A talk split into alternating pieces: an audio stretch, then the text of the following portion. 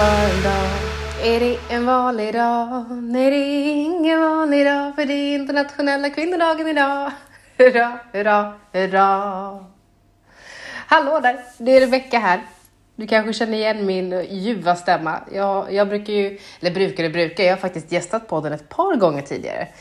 Och sen så råkar det ju faktiskt vara så att jag jobbar ju även på Feminvest sedan två år tillbaka tillsammans med Mikaela Berglund. Som i veckans avsnitt av Feminvest-podden kommer att möta Emelie Sjöberg och Suna Kirki från SEB.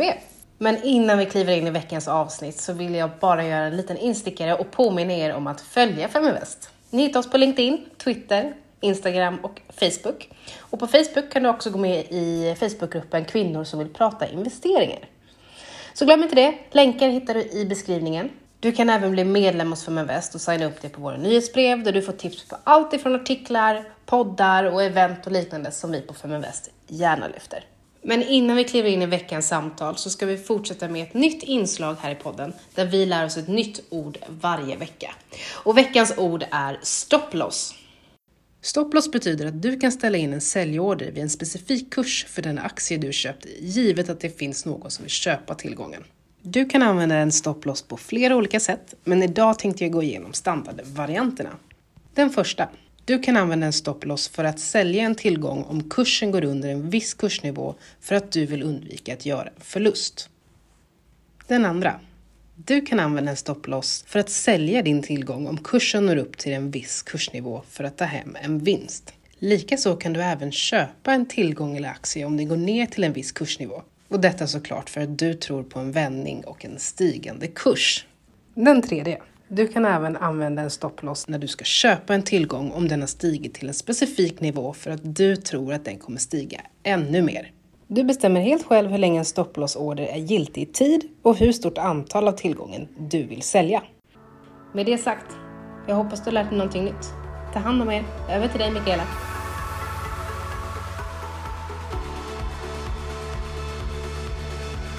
Härligt att få en introduktion av Rebecka där och jag hoppas att ni lärde er ett nytt ord. Vi kommer med ett nytt eh, finansiellt lingoord nästa vecka, så det kan ni se fram emot. Och ni får gärna skicka in också om det är så att det är något ord ni vill eh, att vi ska förklara lite mer ingående så gör vi det. Den här veckan så spelar vi in podden i samarbete med SCB och eh, jag har två experter här på plats i podden. Lite längre fram i samtalet så kommer vi komma in på en, en rad olika teman kopplat till ekonomi. Allt ifrån sparande vid olika åldrar till pensionssparande, hur man kan tänka, eh, vilka alternativ som finns.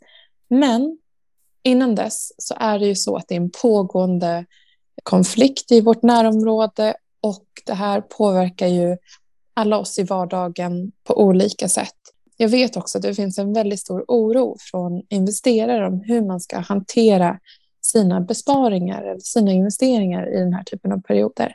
Så jag skulle vilja passa på att fråga innan vi går in i den här djupdykningen eh, i samtal med er, eh, Emelie och Suna. Och min första fråga är till dig, Emelie.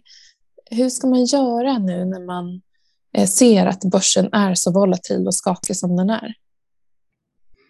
Ja, det, det är ju med en extrem förtvivlan vi, vi följer det fruktansvärda händelseförloppet i Ukraina och det är säkert fler än oss tre här som går runt och har en orolig klump i magen och, och allra, allra främst en väldigt stark empati för det ukrainska folket och, och, allt fruktansvärt lidande det här innebär. Men det är ju precis som du är inne på Mikaela, något som faktiskt också påverkar ekonomin och som skakar om våra börser eh, runt om i världen och även här i Sverige såklart. Och alltid när det blir turbulent på marknaden så tycker jag att det viktigaste är att liksom försöka vara tuff mot sig själv, tänka tillbaka på det här syftet man hade med sin investering. Vad är det för tidshorisont jag faktiskt har? Eh, och inte låta känslorna styra där och då. Har liksom ingenting förändrats i din tro på de här bolagen på en längre sikt, då är det oftast bäst att, bäst att faktiskt sitta still i båten det kan ju vara som så att någonting har förändrats och du kan behöva de här pengarna på kort sikt. Och då gäller det ju att faktiskt se över i din portfölj. Vad är det för någonting som jag gör lättast i att faktiskt få loss? Men i övrigt så är det väldigt bra att försöka liksom behålla lugnet, lita på sin egen tilltro att man faktiskt har gjort den här analysen från första början. Vi kommer ju sen komma in i lite mer också på det här med hur ska man tänka gällande tidshorisont och risk och liknande. Men att försöka liksom försöka bara ta det lugnt och inte låta känslorna styra där och då. Jag håller ju med Emelie, det är otroligt viktigt att försöka behålla lugnet. Och kollar vi på pandemins inledning så såg vi ju också många som agerar precis som de flesta brukar göra när det är lite oroligt. Eh, lite halvpanik och så trycker man på säljknappen när nedgången redan har hunnit bli så stor. Det som händer då är att du hamnar utanför marknaden även vid uppgången. Så du säljer billigt och köper dyrt tillbaka. Eh, men dock kan vi ju säga att aktiemarknaden hade ju redan innan kriget inlett eh, året med kraftiga nedgångar efter både en växande inflations och ränteoro. Och det ligger ju fortfarande också eh, som ett oro då eh, och påverkar börsens eh, reaktioner eh, såklart. Och det är ju otroligt eh, svårt, alltså extremt svårt att lyckas lyckas tajma marknaden rätt. Och därför tycker vi att månadsspar är ett perfekt sätt att spara eh, på och vi kommer ju gå in eh, lite, mer, lite senare på det, eh, hur man kan tänka kring månadssparande också. Ja, men väl, väldigt intressant. Jag vet att eh, om man då tittar på till exempel Eh, börsnedgångarna både under det andra världskriget så föll S&P 500 med 20,5 procent under de, eh, de påbörjande handelsdagarna under 22 dagar. Eh, och det var, den största nedgången då för ett krig så att säga. Men liknande så har vi eh, data från eh, men andra konflikter där det har gått ner mellan men 9, 6, 18 drygt procent eh, vid den här typen av, av konflikter. Oljekrisen 1973 så föll den med, med 17 procent. Eh, och i alla flesta fall så har återhämtningen varit ganska stark. Eh, så det, det ska man vara medveten om att eh, man kan inte se sådana extrema nedgångar i, om man tittar till historieböckerna. Och sen så också det som ni, ni två säger här att det finns en väldigt stor risk att de som är strategiska investerare och vet och kan sitta och läsa av när börsen vänder faktiskt går in på rätt nivå medan småsparare inte riktigt följer med i marknaden på samma sätt och därmed riskerar att hamna utanför marknaden som du sa Stina. Tack så jättemycket för den genomgången. Dessutom så har vi nu på fmvest.se och under fliken rekrytering en helt ny roll uppe som du som letar efter ett nytt jobb kan söka. Det är nämligen så att SEB i Stockholm söker en jurist med erfarenhet av GDPR. Så att jättespännande. Gå in och titta där och se om den rollen kanske är något för dig. Eh, så kommer det komma ett par nya roller här framöver också som du kan hålla utkik efter.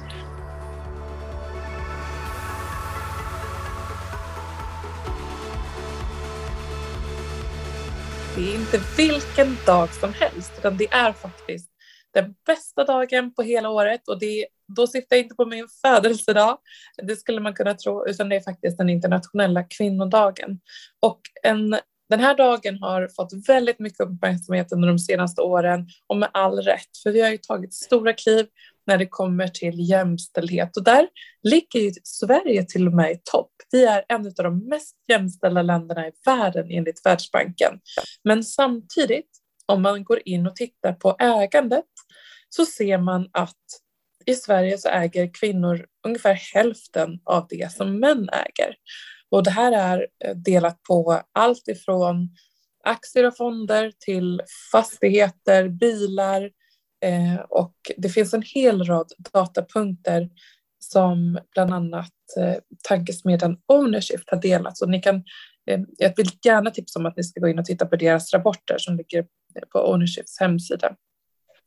Den här dagen eh, så tycker jag att det känns extra fint att lyfta olika kvinnliga profiler som har valt olika alternativ när det kommer till sina karriärer.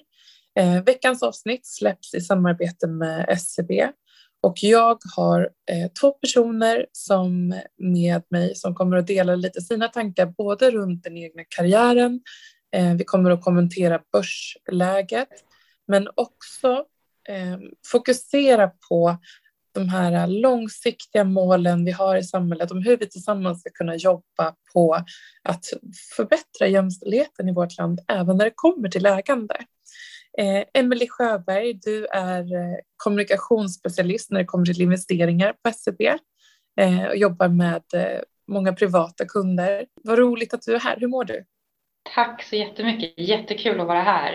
Eh, en, en speciell dag som sagt, jag är supertaggad. Och dessutom så har vi med oss eh, Suna Kirik som jobbar med sparande. Och eh, när vi träffades Suna så nämnde du att sparande var något som bara tickade den där boxen på vad du vill göra. Och du har ju en jättespännande karriär eh, som vi också kommer att höra mer om. Välkommen hit. Och hur mår du? Eh, tack! Eh, jo, jag mår också superbra som sagt. Det är ju en härlig dag idag, eh, den 8 mars. Så att, eh, super, toppen! Mm. Eh, jag vänder mig till, eh, till dig Suna till att börja med som jobbar just med sparfrågor. Har det alltid varit någonting som har varit intressant eh, för dig? Ja, eh, det tycker jag. Jag har alltid gillat att spara. Om man säger att man är lite mer slösare eller sparare så skulle jag nog säga att jag är mer en sparare eh, som person. Eh, och när jag började i banken eh, för ungefär 14 år sedan så kunde jag ingenting om fonder eller aktier, men insåg väldigt snabbt att eh, under min första tid som rådgivare hur viktigt det var med just sparande. För jag hade ett ungt par som hade köpt ett nytt boende och gick ut med liksom ett blankolån för att värdet av deras gamla boende hade sjunkit just mitt under finanskrisen. Eh, och eh, då hade de ju mer lån än vad lägenheten var värd. Eh, och jag skulle säga att den händelsen satte sina spår i mig och fick mig att göra allt jag kunde för att liksom eh, hjälpa mina kunder i sparande eh, för att få en möjlighet att kunna påverka sin vardag och framtid som de själv ville. Så jag skulle säga ja, det växte. Sparandet växte under min tid in, som jag haft under banken väldigt mycket och jag är väldigt mån om att se till att alla har ett sparande eh, av de kunderna jag träffade helt enkelt. Mm, men jag förstår verkligen det att man får påverka eh, enskilda människor på ett superkonkret sätt. Eh, tack för att du delar och vilken, vilken berättelse om, från finanskrisen där. Eh, Emelie, mm. du då? Eh, är, är, du en, en spara eller slösa höll jag på att säga? Ja, men jag, alltså, jag, skulle ju jättefint vilja säga att jag är en sparare som Suna, men jag är ganska bra på att hitta på saker för mina pengar också. Men jag har ändå anammat det här att sparandet ska gå först. Sen kan jag hitta på saker. Att sparandet alltid är det som går iväg först, att jag ser det som liksom räkningen jag betalar till mig själv. Och sen så kan jag få slösa lite liksom. Att jag sätter undan det där först för att ändå liksom ha tryggat det. Eh, men, men jag, jag gillar ändå att få göra saker och unna mig grejer också, så jag är nog inte riktigt lika bra sparare i grund och botten som Suna kanske är här.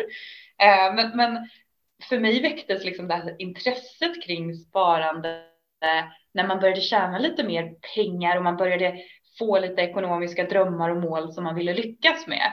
Och när man sen då började investera istället för att spara på konto bara, då tyckte jag ju att det blev superkul och, och fick ett helt annat intresse från, från min sida då. Och sen när man ytterligare la på aspekten att tänka genom att, genom att investera så är jag faktiskt också med och påverkar hur, hur vårt samhälle ska se ut, hur jag tycker att företagen bör se ut och, och hela den aspekten så blir det ju ännu roligare också tycker jag. Mm. Ja, eh, jag förstår det. Om man ser att det händer någonting så är det otroligt motiverande. Men eh, för den då som lyssnar och eh, tänker okej, okay, nu måste jag ta tag i det här.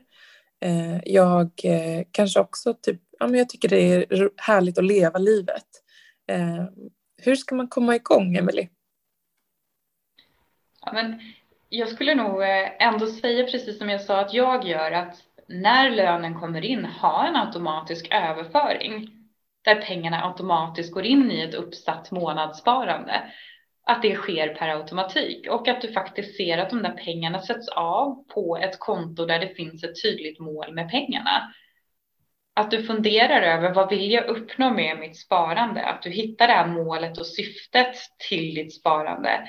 Då blir det så mycket lättare att också sätta undan pengarna till det, för då känner man ju den här starka motivationen att se hur pengarna växer månad för månad och man kommer närmre, närmre det här målet man är ute efter. Mm. Skulle du säga att eh, det eh, liksom, ska man, eh, eller finns en procent av, av lönen eller inkomsten man ska tänka eller vad, vad brukar ni rekommendera? Ja, men generellt sett så brukar vi säga 10 procent eh, utav din lön är det du bör spara. Men sen så beror det ju alltid på situationen du befinner dig i. Är du i en situation där du har mindre utgifter eller mer utgifter, du måste ju också se att det är rimligt för dig att kunna få undan de pengarna och i vissa lägen av livet kommer du kunna spara mer än de här 10 procenten vi utgår ifrån. Och i vissa lägen kanske det blir något mindre också. Men 10 procent brukar vara en ganska bra tumregel att utgå, utgå ifrån. Mm. Brukar ni dela upp eh, sparandet då för, mot olika syften och så eller hur kan man tänka där? Absolut, det brukar vi göra. Vi, när vi pratar om de här 10 procenten så brukar vi väl säga ungefär 5 procent kanske till ett mer mål. Att man har kanske ett mål med sitt sparande eh, som är medellång sikt, kanske till någon resa eller man kanske har större boende man tänker sig. Och så brukar vi säga ungefär 5 procent till liksom pension, långsiktigt sparande som du behöver eh, längre fram i i framtiden helt enkelt. Och som Emelie sa, det viktigaste är ju att komma igång och har man ett mål så är det ju också lättare att veta liksom hur länge du behöver spara och bestämma sig liksom för vilken risk som kan vara lämplig. Och vi brukar ju som sagt säga dela upp pengarna i olika, eh, olika delar som sagt, eh, för att man kommer kanske behöva pengarna vid olika tillfällen i livet. Eh, och det är också viktigt att liksom sätta tidsaspekten i det här också. Eh, när, alltså, hur lång tid kan jag avvara pengarna? För det är det som hjälper till lite med risken och vilken risk man kan ta.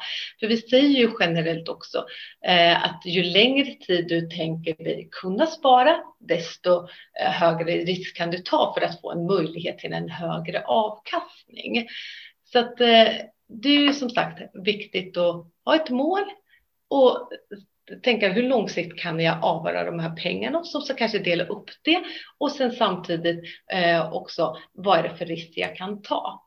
Uh, och vi brukar ju som sagt som Emelie nämnde prata mycket om månadssparande för då köper man ju det på när börsen går upp och ner och så sprider man också sin risk jämnt ut eh, varje månad helt enkelt. Mm. Ja, och eh. månadssparandet eh, skulle jag bara vilja slå ett litet extra slag för också just det här för att komma igång som du var inne på Mikaela. Månadssparandet behöver du bara sätta upp en gång, sen sköts ju det per automatik. det är så hela... skönt. Ja, det är så ja. smidigt. Ja. Jag håller med verkligen. Ja.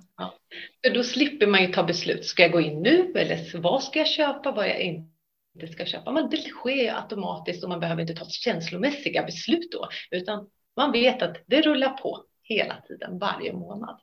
Mm. Och där ska jag också själv säga att jag har, jag har ett sånt automatiskt sparande i slutet av varje månad och sen så har jag lite mer en liksom eh, ja, swing trading eller portfölj som kan, där jag kan ta lite positioner över lite längre sikt men eh, som är lite mer så att jag är inne och pillar i. Eh, men den där grundbulten förändras inte. Eh, så att eh, verkligen, jag älskar det automatiska sparandet. Man inte behöver administrera. För det, det, är ingen som vill lägga mycket tid på att administrera transaktioner. Vare sig till att betala räkningar eller spara. Precis. Jag gillar Men... också det du sa om att dela upp i olika, när man delar upp sparandet, för dels så kan man ju koppla det till den här risken som vi var inne på, att vi har kanske lite olika risk, lite olika tidshorisonter med olika eh, olika sparanden vi har. Men en annan sak är också den psykologiska effekten. När jag vet att det här är mina barns sparpengar, då kommer jag ju garanterat, när jag ser att pengarna går iväg till mina barns konton, då tycker jag det känns ju skönt att se att jag tryggar mina barns eh, ekonomiska framtid eller jag ser att det här går till min pension där jag faktiskt gynnar mig själv i framtiden. Den här syftet med sparandet blir mycket tydligare också när man delar upp det än att man ser att jag sparar för att göra någonting bra i framtiden. Det blir inte lika tydligt som om man verkligen vet att den här pengen går till barnen, den här går till min pension, det här går till semesterresan som vi ska göra nästa sommar eller liknande. Mm. Eh, det är nog många som funderar då på om man börjar vad det är om man ska köpa aktier eller våga sig på aktier eller om man ska köpa fonder. Vad skulle du säga är liksom, när ska man välja vad, Emelie? Ja, men jag tänker här återigen får man ju gå tillbaka till det som Suna var inne på. Det du behöver veta det är ditt mål med pengarna, tidshorisonten och risken. Aktier är ju i sig mycket smalare. Det är ju centrerat till ett enda bolag, så risken blir ju liksom bolagsspecifik. Så det är ju en högre risk. I en fond så får du en automatisk spridning i och med att det är flera olika underinnehav i den. Och du kan ju också välja en fond som faktiskt är aktivt förvaltad, där det finns en förvaltare som sitter bakom och ser till att innehaven eh, är det de anser vara det bästa för tillfället.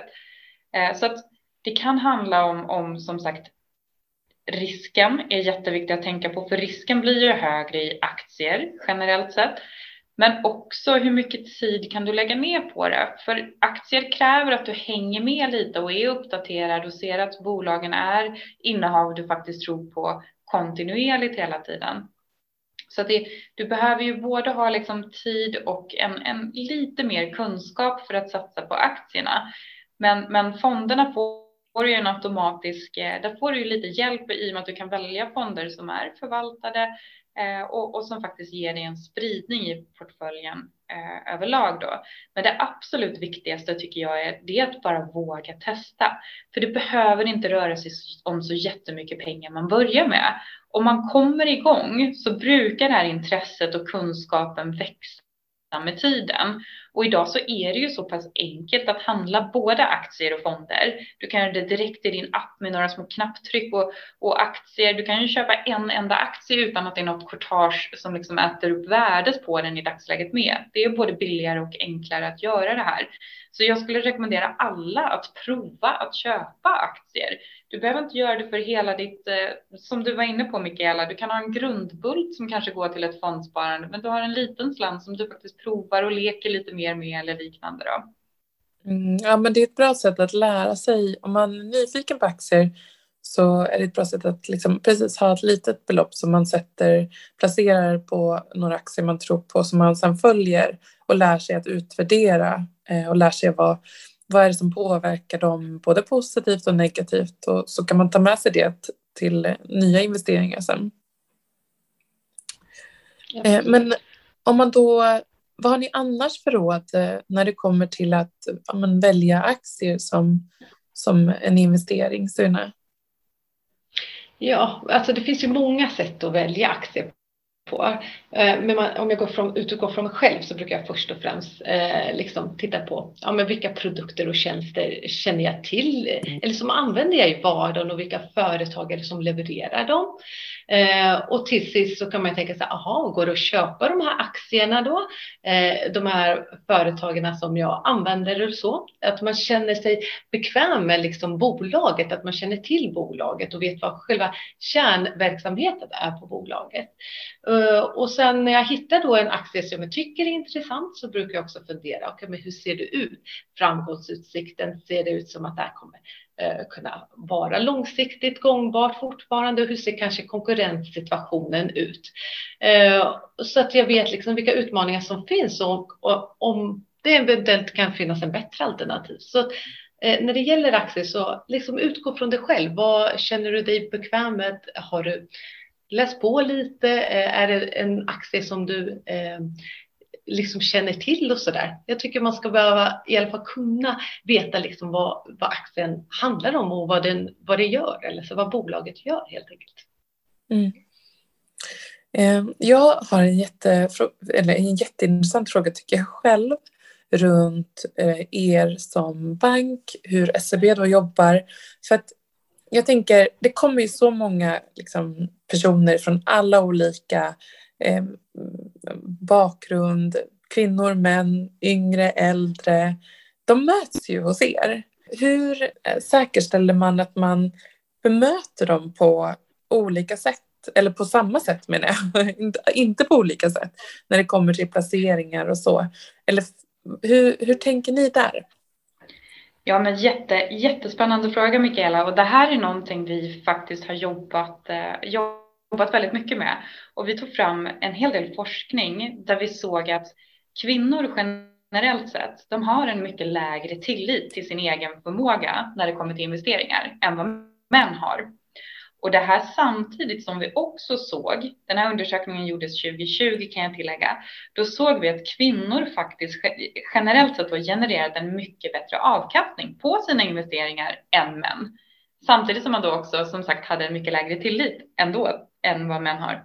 Och, och det här häng, hängde också med in i lånesidan när vi kom på företagsbiten. För kvinnor hade mycket mindre sannolikhet till att få igenom ett företagslån än män det begränsar ju verkligen möjligheterna till liksom tillväxtpotentialen i ett bolag och liknande. Och vi såg även här på samma sätt att bankfinansierade företag ledda av kvinnor visade sig vara mer framgångsrika än bolagen ledda av män. Så att det här finns ju överallt och, och påverkar ju de kunderna vi träffar. Men det påverkar ju också de rådgivare som sitter med kunden.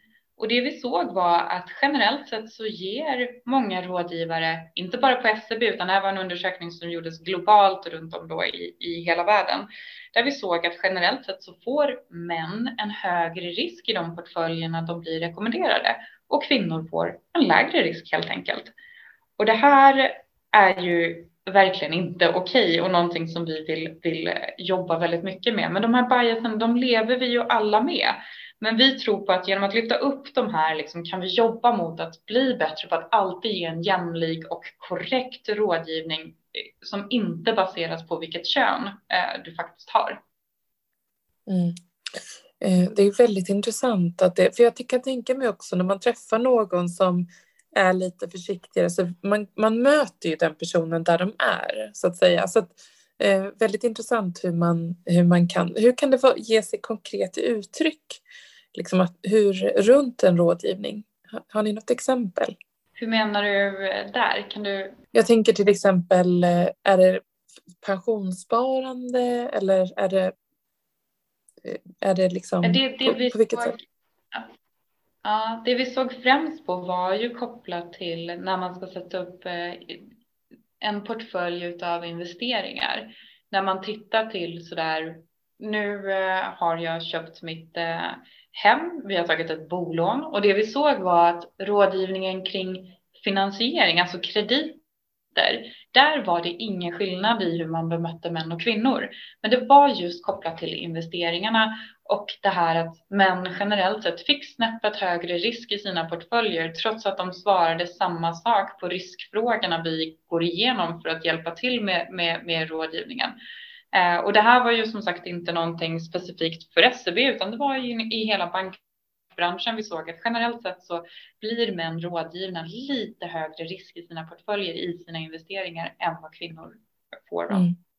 Ser ni någon trend då när det kommer till, till att det går åt rätt håll? Ja, absolut. Och man kan ju kolla trender på olika sätt. Men om man tittar lite på hur till exempel aktieägande har varit under 2020 i Sverige och vi kollar via Euroclear då, så kan man se att år 2020 gick upp till det högsta aktieägande sedan 2007. Eh, men fortsätter äga runt tre tredjedelar av marknadsvärdet när det gäller aktier. Eh, men vi kan se att kvinnors aktieägande under sista kvartalet år 2020 har mer än tredubblats och att andel yngre aktieägare ökar. Eh, det jag tycker är bra numera att det finns fler kvinnliga förebilder som du sa, eh, som man kan se upp till i näringslivet. Ett exempel är ju bara att vi har en kvinnlig statsminister idag. Eh, så där kan man ju se att kvinnors eh, aktieintressen ökade väldigt mycket sista kvartalet 2020 och när vi tittar lite på hur våra kunder i SEB ser ut, om vi jämför dem, så kan vi se att under 2021 så var det genomsnittliga månadssparande hos männen ungefär 400 kronor mer än kvinnor. Men under året så såg vi att det ökade. Kvinnors månadssparande ökade samtidigt som männens låg ungefär kvar på samma nivå. Och när man tittade på i förhållande till lönen så kan man se att kvinnor har passerat månadssparande mot männen när det gäller mot lönen. Då. Och vi ser ju det som en indikation på att ett väldigt stort ökat intresse för månadssparande bland kvinnor i alla fall, vilket jag tycker är jättekul att se. Mm, verkligen. Kan det här påverka de här stora skillnaderna eller eh, kan, behöver vi göra mer? Det finns ju extremt mycket vi behöver göra för att komma till en, en, en eh, hel jämställdhet på det. Och en väldigt viktig sak i det är ju pensionerna. För vi ser att liksom, trots att det här lönegapen börjar växa igen och vi börjar liksom komma upp i, precis som det Suna pratar om, fler och fler kvinnor kommer igång med ett sparande. Men pensionerna är ju någonting som vi liksom lever kvar med som en skuld från förr ganska länge också. Så gör vi inga eh, drastiska skillnader så kommer det fortsätta vara ungefär 100 år fram tills vi når jämställda pensioner. I dagsläget så har ju kvinnor ungefär 31 procents lägre pension än män. Och detta liksom, trots att vi ser att det är fler kvinnor än män som går ut från högskolor, får toppjobb i näringslivet och, och liksom, de här trenderna faktiskt håller på att vända. Då. Mm. Så eh, pensionen är liksom en av de viktigaste eh, punkterna när det kommer till jämställdhet. Om man då skulle göra det lite konkretare, för jag vet att det är ganska spridda åldrar som lyssnar på den här podden, så det är om vi skulle dela upp det i lite liksom konkreta beroende på vilken ålders, vilket åldersspann man befinner sig i. Eh, då tänkte jag om vi börjar med 25 till 35, om man är ung, hur ska man tänka då med sin pension? Ja, men då är det egentligen bara en sak. Kom igång, börja spara. För här köper du dig själv extremt mycket genom att komma igång med det så tidigt som bara möjligt. För kommer du igång med det, även om det inte är det absolut största beloppet du kan avvara kanske, så kommer börsen hjälpa dig att generera avkastning på de här pengarna och det är nästan det viktigaste för att komma upp i ett bra, i ett bra pensionsbelopp i slutändan. Så i den åldern så bara kom igång med ett privat sparande, för du kan inte förlita dig på det du får från arbetsgivare och eh, det statliga, utan du, du måste ha ett privat sparande och det gäller att, att, att komma igång med det. Och är du osäker på vart du kan börja eller liknande, så ta hjälp. Och, och som Suna nämnde tidigare så kan man gå in på scb.se och, och, beräkna hur mycket man bör spara för att komma upp i vissa olika eh, belopp då för att få den här pensionen man, man kanske eftersträvar. Mm. Eh, om vi tittar på eh, därefter då, 35 till 45. Man har kommit igång i karriären. Ja, men här någonstans så kanske man eh, kan se över. Har jag möjlighet att öka det här beloppet jag redan har kommit igång med? Och har du inte kommit igång så återigen, kom igång. Eh, men här kanske man också börjar komma upp någonstans att det kan bli möjligt att diskutera löneväxling med sin arbetsgivare har min, min arbetsgivare ett avtal som gör det möjligt för mig att löneväxla en del av min inkomst. Och det här gäller ju om man tjänar ungefär runt 48 000 i månaden. Då är det förmånligt att faktiskt löneväxla. Och det är någonting arbetsgivare har avtal om i sådana fall. Så då får man kolla med sin arbetsgivare om det finns ett sån, en, en sån möjlighet. Mm. Eh, lite senare då, Eh, man har kanske man har börjat. Eh, man har kanske till och med kommit igång med någon löneväxling.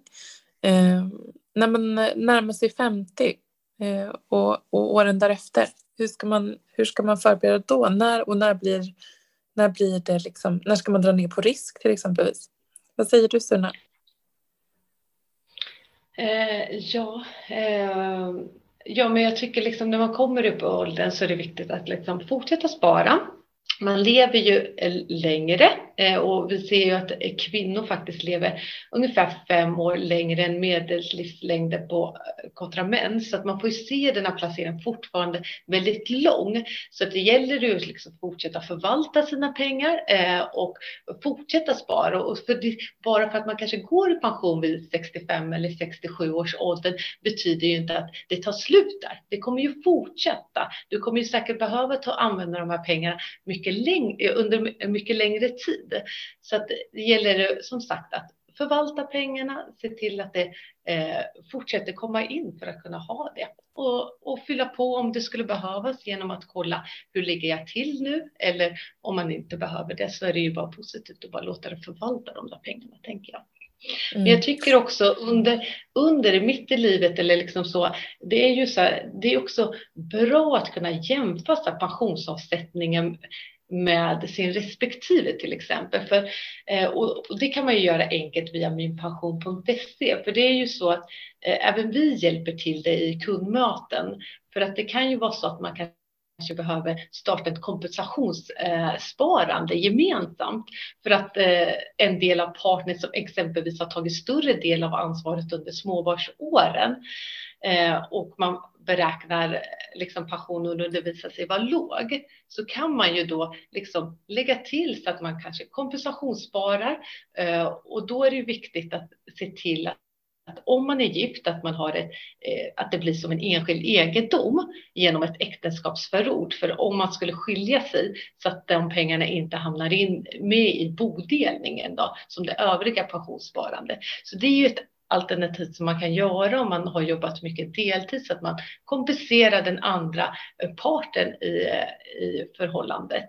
Och man kan även göra det med PPM till exempel så kan man ju ge över sin PPM till eh, sin respektive också. Så det är också något man kan fundera på i, när man diskuterar ekonomi med sin partner också. Mm, ja, jag läste en, eh, en eh, data för något år sedan om att det är just när, när man får barn, det är då man ser att kvinnor och mäns löner och ekonomi börjar utvecklas åt olika håll. Till en början så har kvinnor en ganska jämlik lön eh, innan det inträffar och det visar att man i större, i större utsträckning så prioriterar kvinnorna idag i alla fall att vara, eh, att vara hemma mer eller hjälpa till, ta mer ansvar hemma. Mm. Vi har sett i de, eh, det vi har tittat på så har vi sett att det är tre gånger vanligare att kvinnor är de som arbetar deltid. Och det är klart att det får ju en väldigt stor effekt på, på pensionen. Mm, verkligen.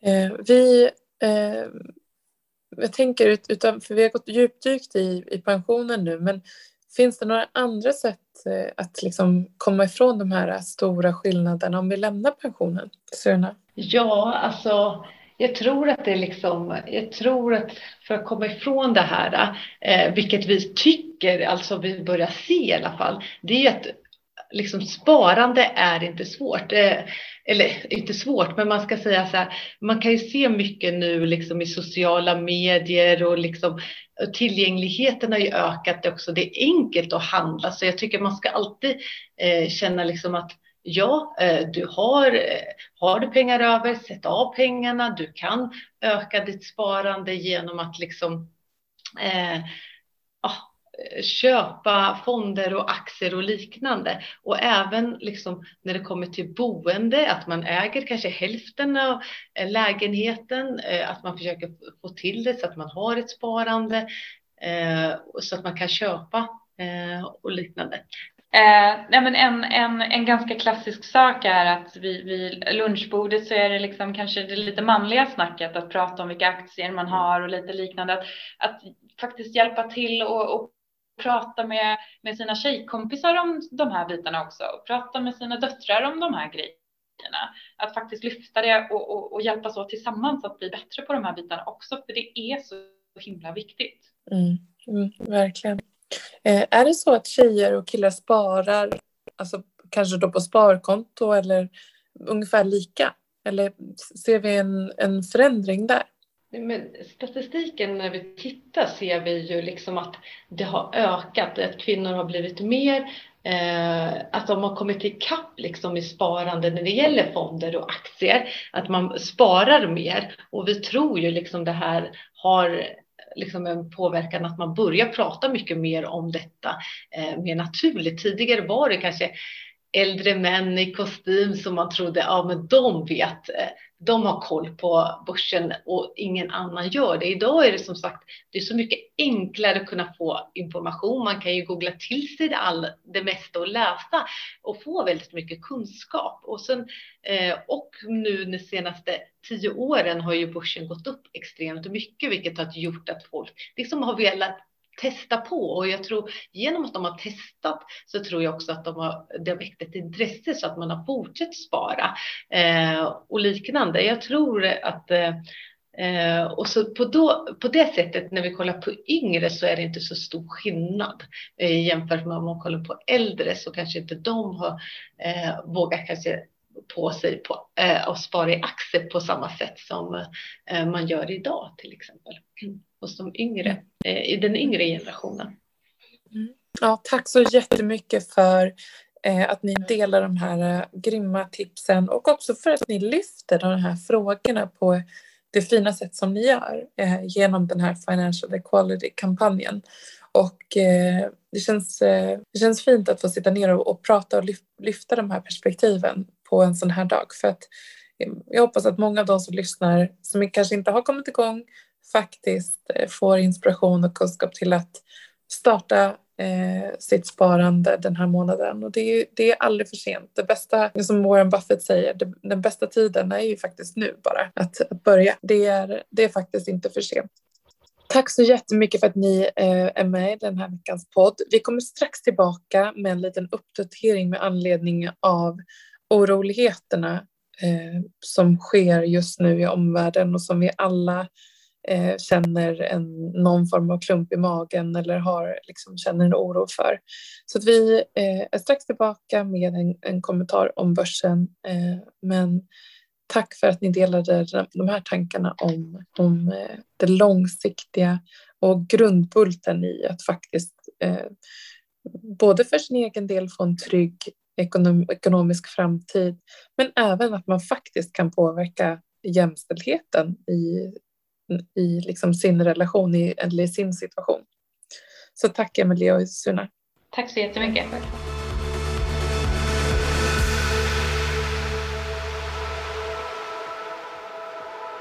Feminvest är Sveriges största investeringsnätverk för tjejer. Vi vill att allt fler ska våga äga och förvalta. Och hur gör vi då detta? Jo, vi vill inspirera, utbilda och utmana runt ägande, investeringar och entreprenörskap. Följ Feminvest på våra kanaler Facebook, Instagram, Youtube. Varje vecka så kommer vi även ut med en podd och du kan ju självklart även följa nyheterna som publiceras på feminvest.nu. Det är bara att söka på Feminvest på samtliga kanaler så hittar du till oss.